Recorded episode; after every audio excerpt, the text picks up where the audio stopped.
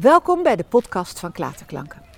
Mijn naam is Leonie Jansen en ik begeleid je door deze muzikale wandeling. Deze podcast is gemaakt als vervanging van het festival Klaterklanken. Dat zou namelijk in augustus 2020 voor de vierde keer plaatsvinden op deze buitenplaats Elswoud in Overveen. Helaas gooide corona roet in het eten, maar de muzici zullen vandaag toch voor jou optreden. Klaterklanken is een festival waarbij de bezoekers een muzikale wandeling over Elswoud maken, langs miniconcerten. Concerten door bekende en ook vooral jonge muzici uit de klassieke wereld en de jazzwereld.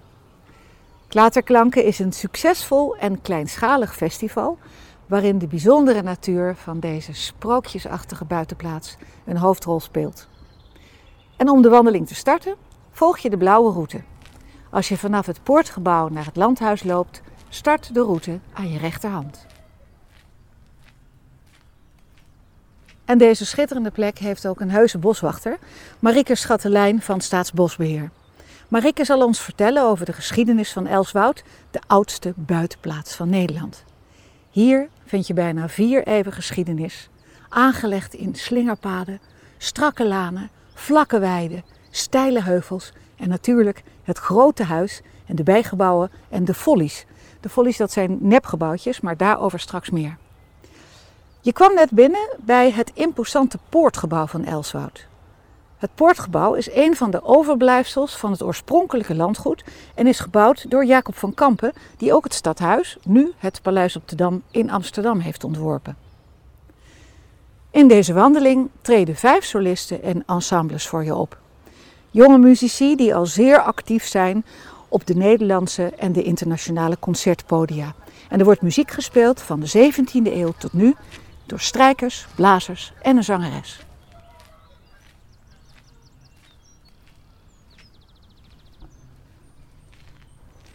We beginnen de wandeling met muziek uit de 17e en de 18e eeuw. En dat is ook de periode waarin Elswoud werd gesticht. Blokfluitiste Lucie Horsch speelt muziek uit Engeland, Frankrijk, Duitsland en Nederland. In mei van dit jaar won Lucie de Nederlandse Muziekprijs. En dat is de hoogste Nederlandse onderscheiding die aan jonge getalenteerde muzici wordt toegekend. Een aantal jaren geleden vertegenwoordigde zij Nederland ook al tijdens de finale van de Eurovision Young Musicians Competitie. Lucie is een bijzondere muzikus die haar muziek met een klein instrument en een grote ambitie vormgeeft. Ze heeft een buitengewone muzikaliteit en een liefde voor zowel oude als hedendaagse muziek.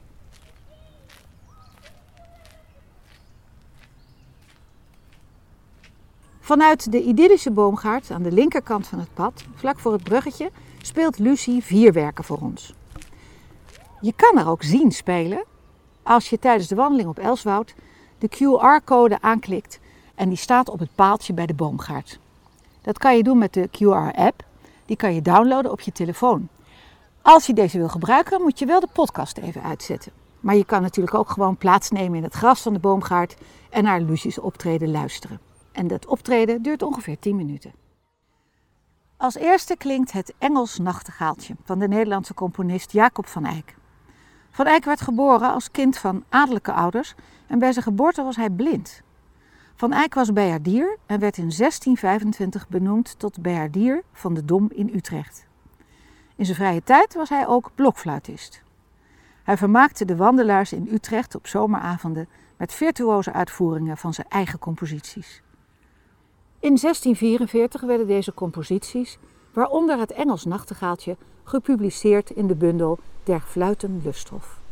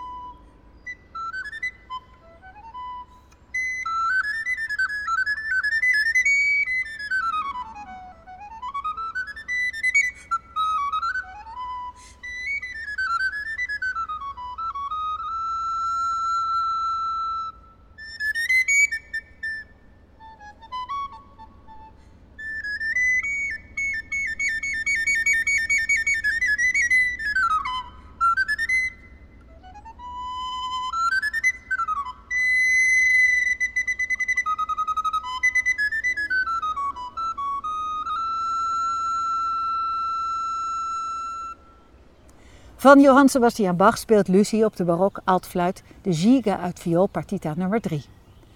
Bach schreef een cyclus van zes werken voor viool. Oorspronkelijk Sei solo a violino senza basso accompagnato genaamd. Oftewel solo viool zonder bas. En die bestaat uit drie sonates en drie partita's. Rond 1703 begon Bach met het componeren van deze werken toen hij als kapelmeester aan het hof van Anhalt-Köthen in dienst was. En dat ligt in het oosten van het huidige Duitsland. Een partita is een verzameling van dansen voor een solo-instrument. Dansen zoals de allemande, de courante en de zagebande. Partita nummer 3 sluit af met een levendige jige, een snelle dans die in drieën geteld wordt. Lucie bewerkte zelf deze partita voor blokfluit.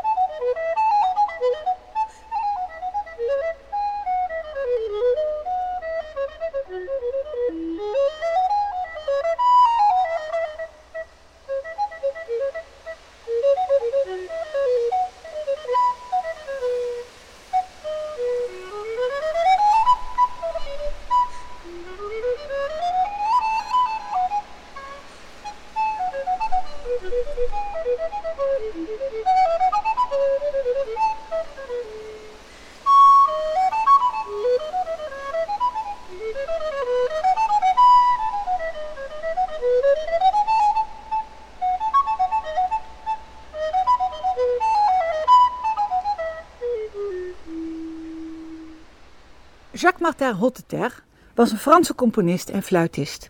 En hij leefde van 1674 tot 1763. Inderdaad, 89 jaar oud werd hij. Hotteter stamde uit een familie van muzici en instrumentenbouwers. Zelf bouwde en bespeelde hij verschillende houtblaasinstrumenten en schreef hij ook methodes over hoe deze instrumenten bespeeld zouden moeten worden. Uit zijn L'art de prélude, de kunst van het preluderen, speelt Lucie een kleine selectie preludes, oftewel korte muzikale introducties. Ze gebruikt hiervoor de zogenaamde voice flute, een fluit die in de 18e eeuw populair was en een bereik heeft tussen sopraan en altfluit in.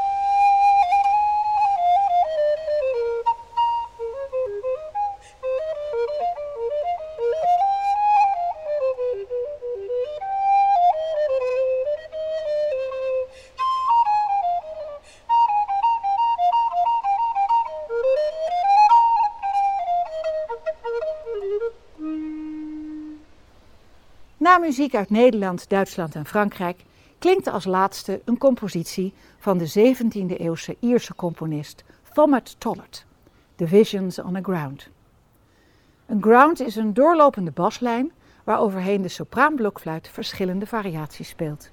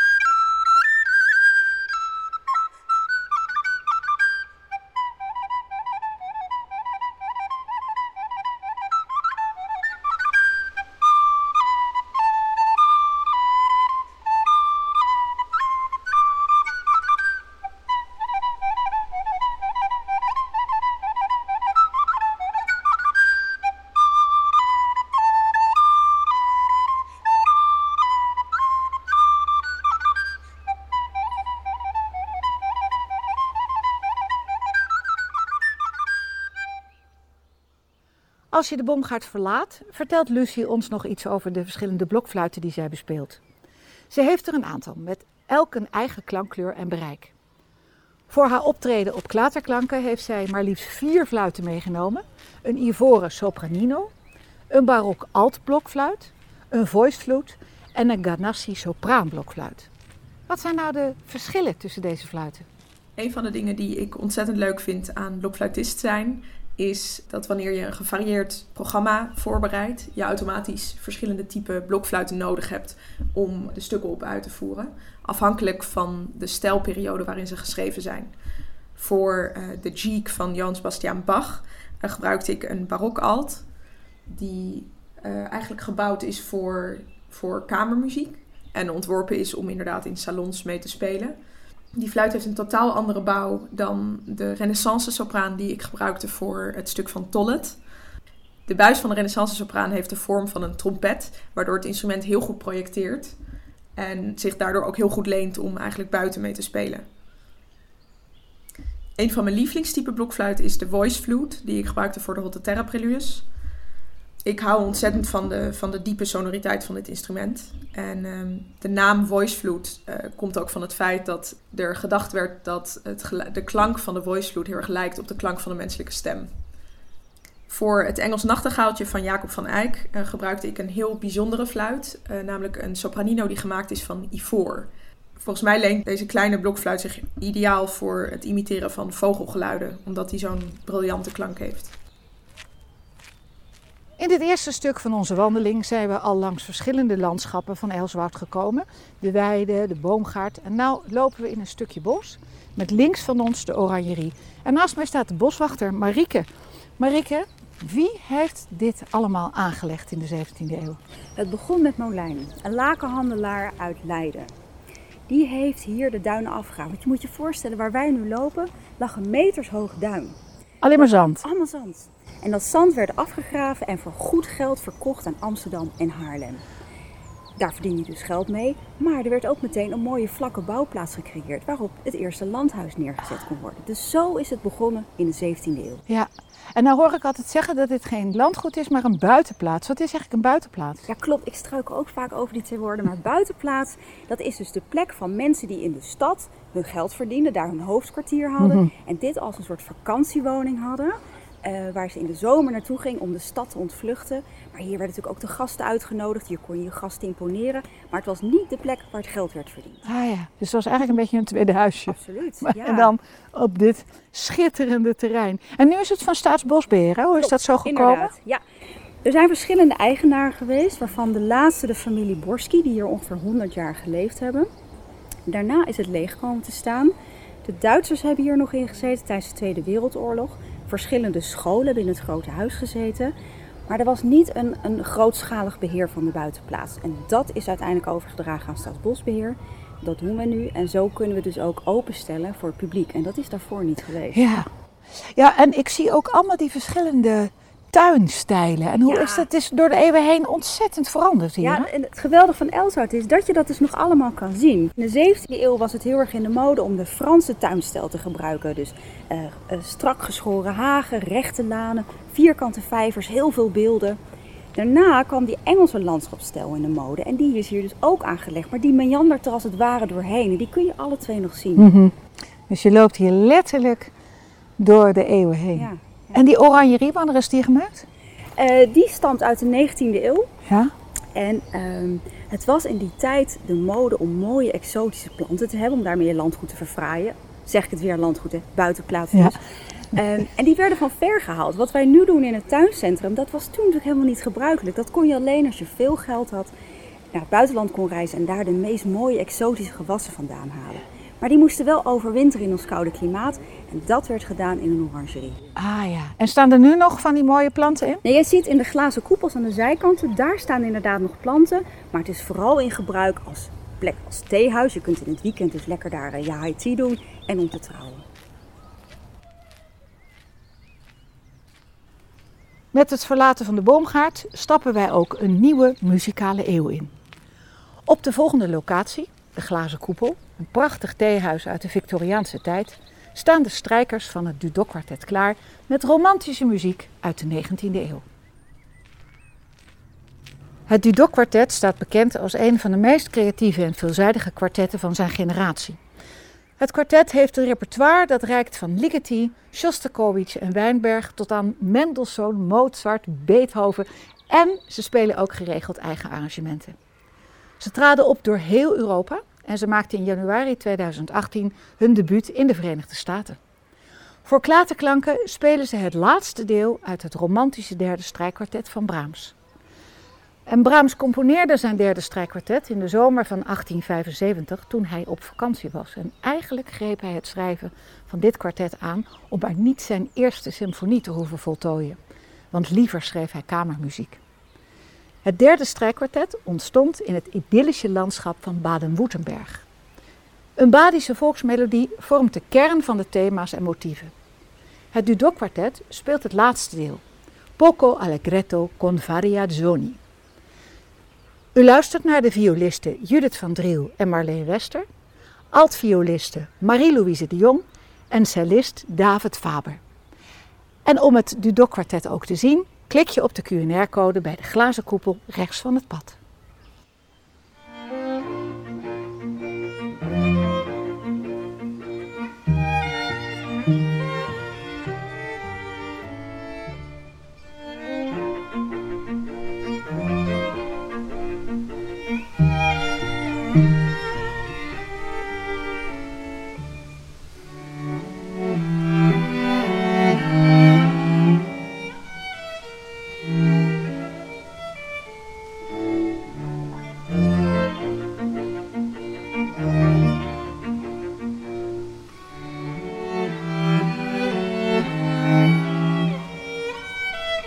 Música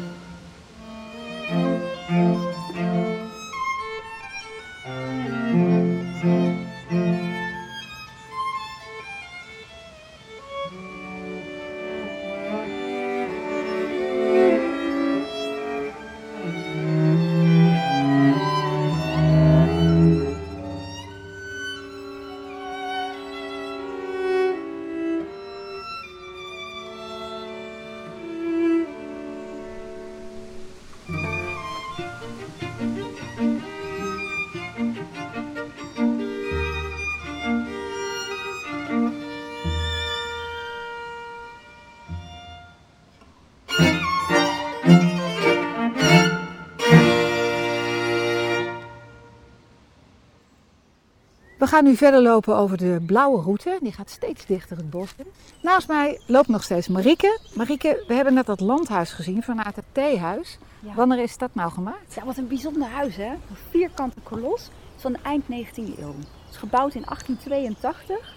En je kunt daar ook nog steeds zien hoe hoog eigenlijk het duin was. Want dat is daar minder afgegraven. Oh ja. En je ziet ook wat voor fantastische zichtlijnen er zijn vanuit het huis zo over de buitenplaats. Ah, het, is, het, is, het is een prachtige plek om dit allemaal te overzien. Ja, ja. Maar het huis heeft ook heel veel verschillende stijlen. Klopt, ja. Het is geïnspireerd op de 16e eeuwse Italiaanse villa's, maar dan weer vermengd met de Hollandse renaissance. En het is een ontwerp van Constantijn Muisken.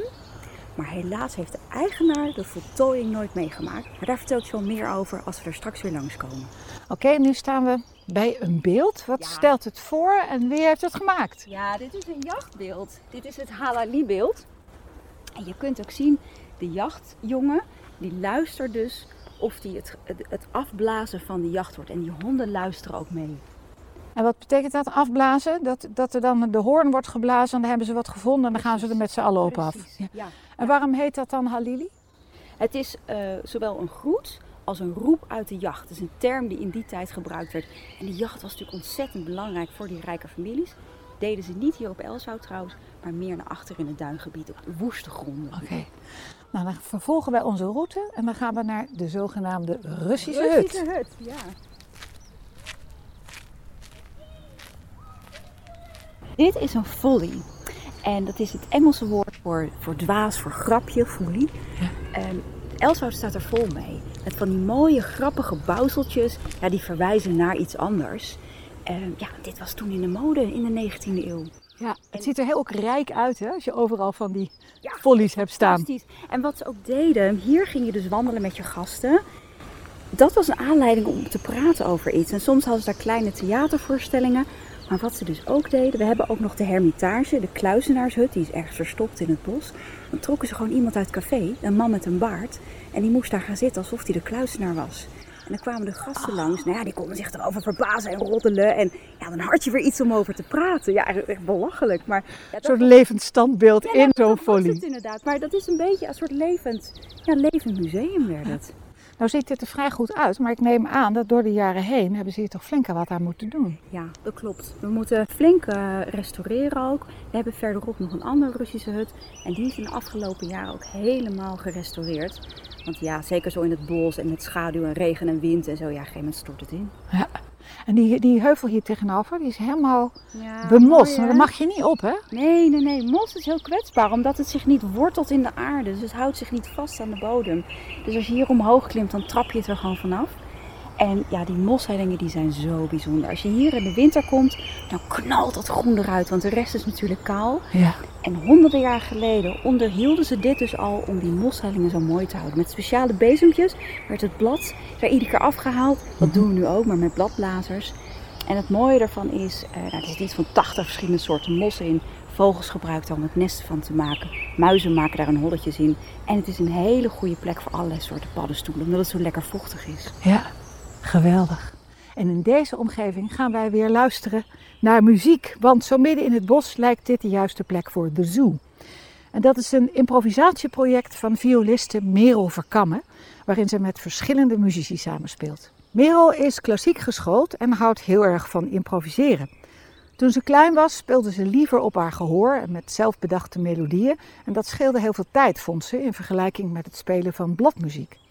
Ze had al haar speelgoeddieren om zich heen gezet als publiek en ze gaf eindeloos concerten. Inmiddels weet Merel dat improvisatie in de klassieke muziek geen vanzelfsprekendheid is.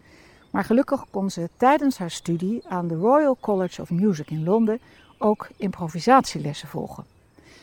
Merel's stijl kan je omschrijven als free classical.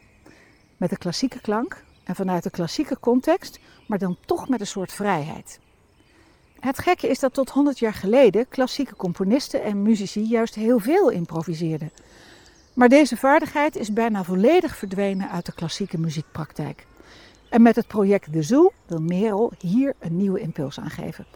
Omdat ze gelooft in de kracht van het ter plekke creëren van muziek. Hoi, ik ben Merel Verkammen. Ik ben violiste. Ik ben begonnen met vioolspelen toen ik vijf was. Van kleins af aan vond ik het superleuk om te improviseren, zonder dat ik wist dat het improviseren heette. Als mijn vioolleraar bladmuziek op mijn lessen neerzette, vond ik het eigenlijk zonde van de tijd om die noten te lezen. Als hij een melodie voorspeelde, speelde ik die liever direct op het gehoor na. En nog liever verzon ik er zelf een. Pas tijdens mijn uh, middelbare schooltijd leerde ik dat improviseren helemaal niet zo gebruikelijk is voor klassiek geschoolde violisten. Op concoursen werd eigenlijk nooit gevraagd om zelf iets te verzinnen. En hoe verder ik kwam, hoe vanzelfsprekender het eigenlijk voor me werd dat een violist muziek speelt die door een componist gemaakt is. Toch bleef ik improviseren omdat ik het zo ontzettend leuk vind om te doen. En langzamerhand ben ik er ook achter gekomen door wat onderzoek te doen dat het eigenlijk een heel recente ontwikkeling is om zo'n strakke scheiding te maken tussen uitvoerder en componist. En ik, ik vind het uh, jammer dat eigenlijk die traditie van improviseren in de klassieke muziek bij andere instrumenten, zoals bij de viool, voor een groot deel verdwenen is. En ik wil me er graag voor inzetten om dat uh, iets meer terug te brengen, omdat ik heel erg geloof in de kracht van de verrassing die het kan brengen. En dat vond ik ook heel erg leuk uh, op klaterklanken om te doen, omdat je als je improviseert op een plek, dan laat je daar ook heel erg door beïnvloeden. En de improvisaties die dan op die plek ontstaan, hadden ook niet ergens anders kunnen ontstaan. Samen met saxofonist Ties Mellema creëert Merel muziek die past bij dit bosachtige gedeelte van Elswoud. En aan Ties heeft zij een partner in crime, een medestander. Want Ties doet niet aan muziekstijlen, hij speelt gewoon, zoals hij dat zegt, muziek. Niet alleen klassiek, maar ook jazz of pop en alle muziek die hem aanspreekt waarbij hij vooral benieuwd is naar de muziek die zich tussen de verschillende stijlen bevindt. Het resultaat van de samenwerking van Merel en Ties heeft net zo grote variëteit als deze buitenplaats Elswoud. Je kan Merel en Ties ook zien spelen. Klik dan op de QNR-code bij de Russische hut rechts van het pad.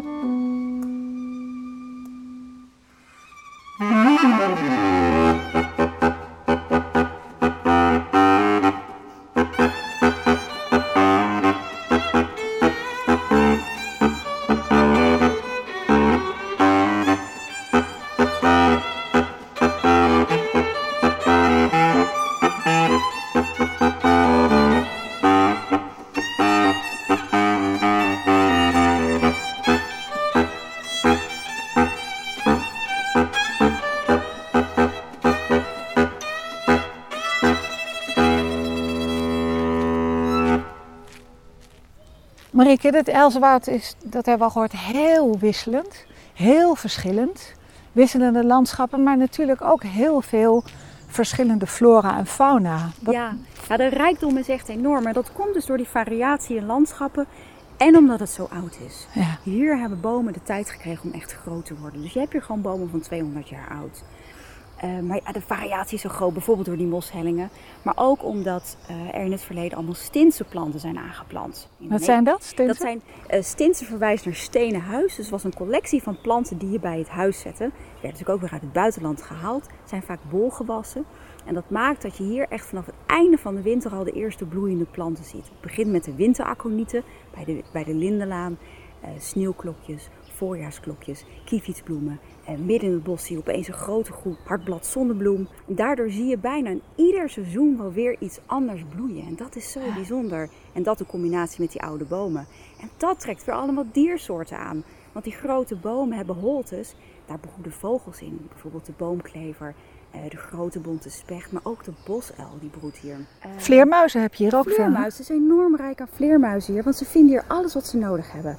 De oude bomen, dat zijn de kraamkamers om in de zomer de jongen groot te brengen. De gebouwen, dat zijn de winterverblijfplaatsen.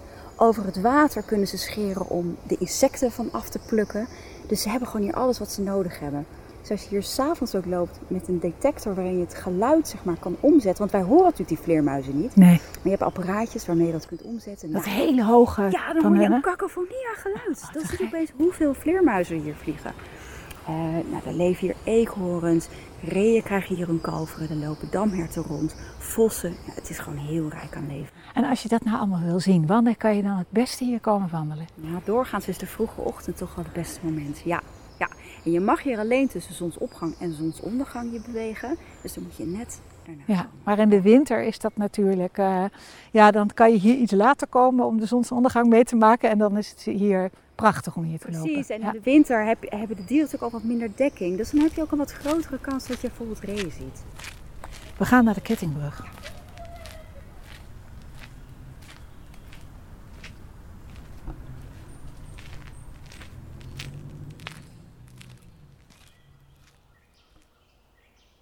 Op de Kettingbrug staan twee jonge jazzmuzici klaar. Het zijn zangeres Anne Serierse en contrabassist Cas Jiskoot. Ze groeiden op met de jazzmuziek. Ze luisterden naar Ella Fitzgerald, Chet Baker, Count Basie Orchestra en de Dutch Skymasters. De afgelopen jaren zong Anna al met het Metropoolorkest en trad op in de Wereld Door en in Podium Witteman. En Cas won het Prinses Christina Jazz Concours en is lid van het Dutch Jazz Collective. En ging op tournee naar Rusland. Al jaren spelen ze samen in verschillende bezettingen, waaronder het Anne Serierse kwartet. Op Elswoud staan ze als duo op de Kettingbrug. Ze spelen drie jazzstandards. Gone with the Wind van Elie Rubel, This is Always van Harry Warren en The Man I Love van George Gershwin. Om Anna en Cas te zien spelen, klik je op de QR-code bij de brug.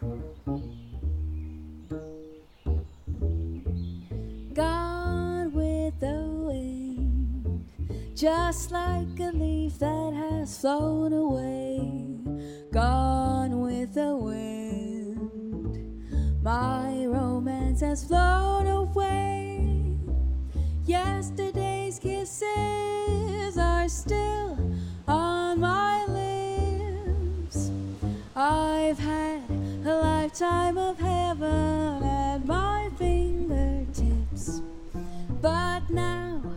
all is gone.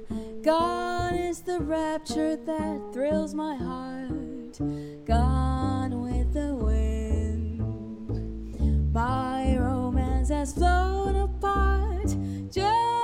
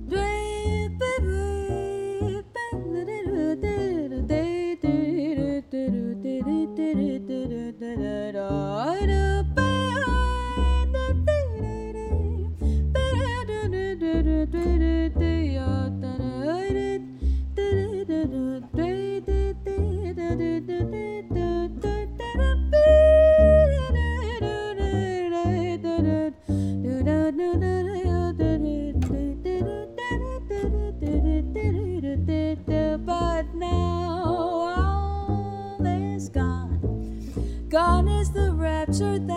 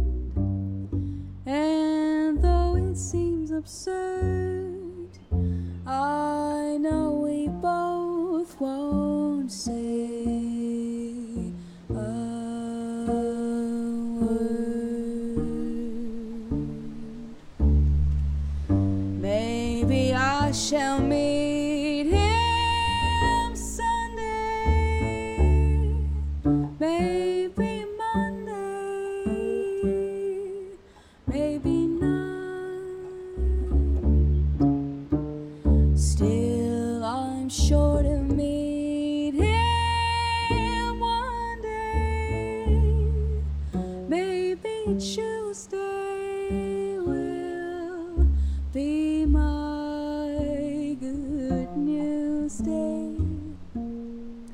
He'll build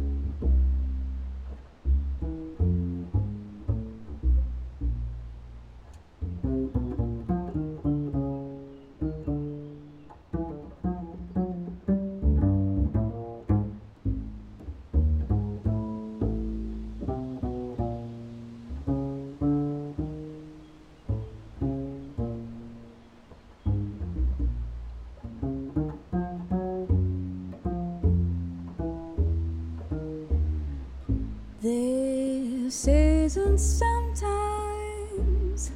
this is all.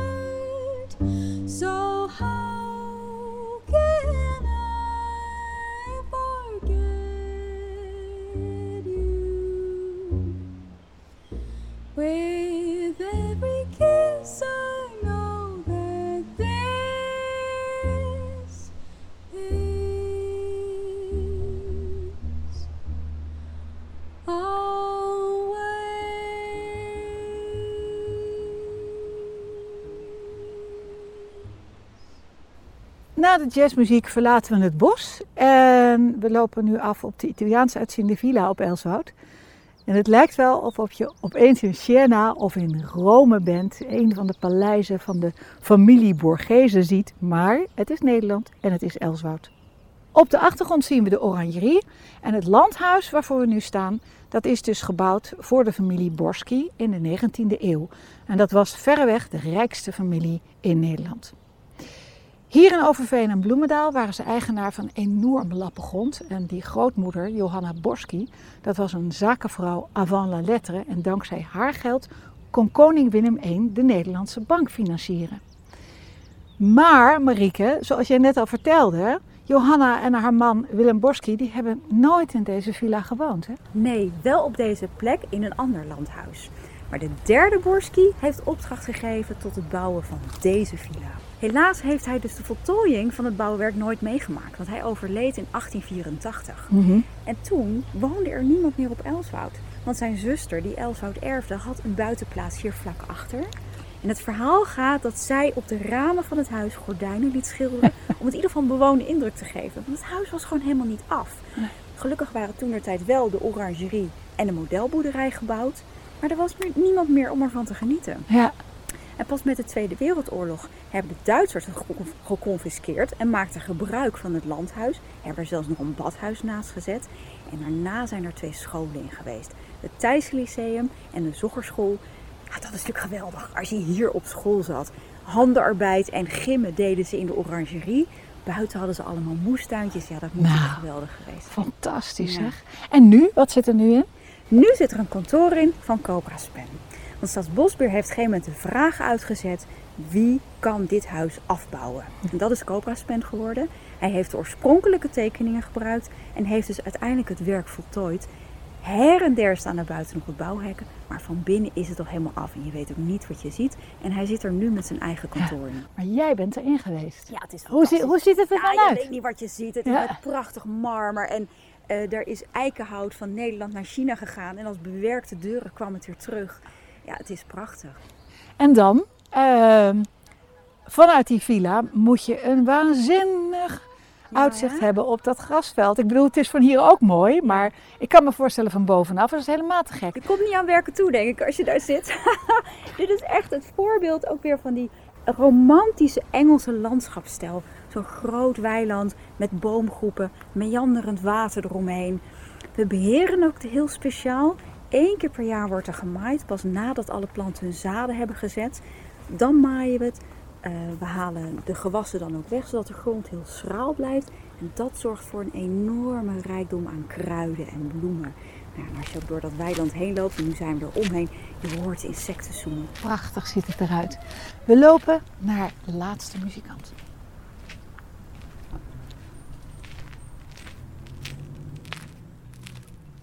We naderen het einde van de wandeling en keren terug naar de muziek uit de 18e eeuw. Bach op contrabas, kan dat?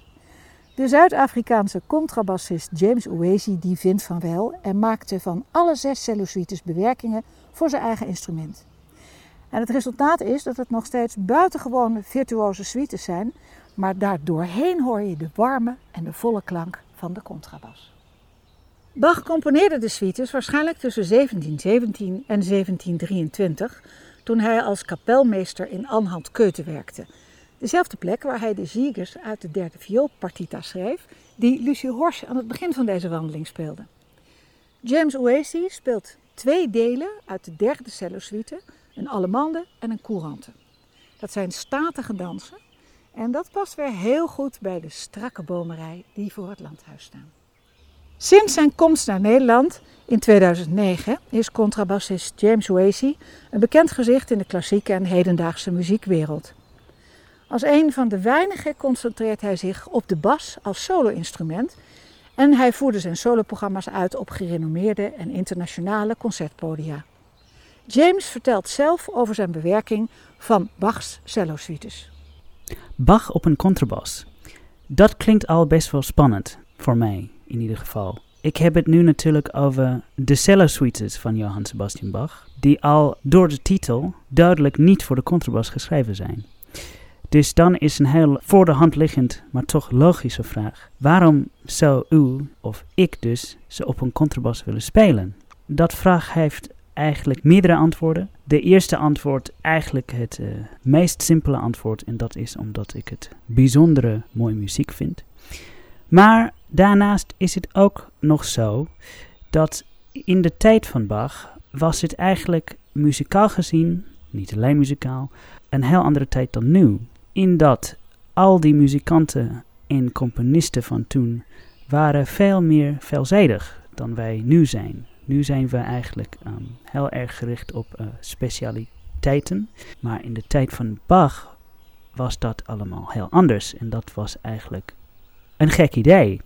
Dat je zou in één ding specialiseren.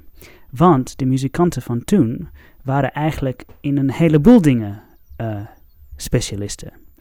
En ik bedoel daarmee dat het was um, heel normaal dat als u een muzikant was toen, dat u ook nog heel goed, heel virtuoos kon op meerdere instrumenten spelen en ook nog heel goed kon componeren. Om te zien waar James een opname heeft gemaakt, loop je vanaf de blauw-paarse brug rechts om de bomenrij heen. Daar kan je dan even plaatsnemen tussen de bomen op het grasveld met het landhuis op de achtergrond en laat je dan betoveren door de muziek van Bach, waar we deze podcastwandeling mee afsluiten. Het is dus de laatste muziek van deze podcast.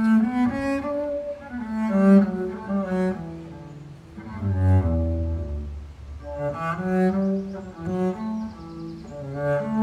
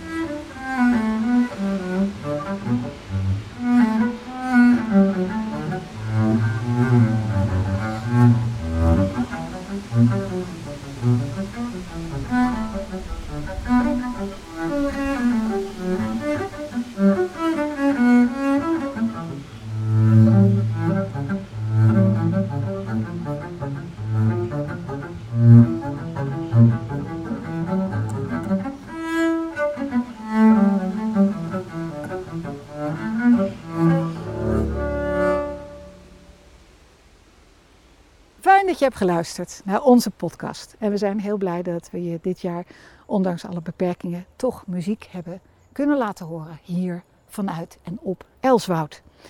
Uh, Marieke, we hopen natuurlijk ontzettend dat het Klaterklankenfestival weer volgend jaar hier plaats kan vinden. Gewoon in het echt. Ja, volgend jaar juli moet het gewoon weer gebeuren.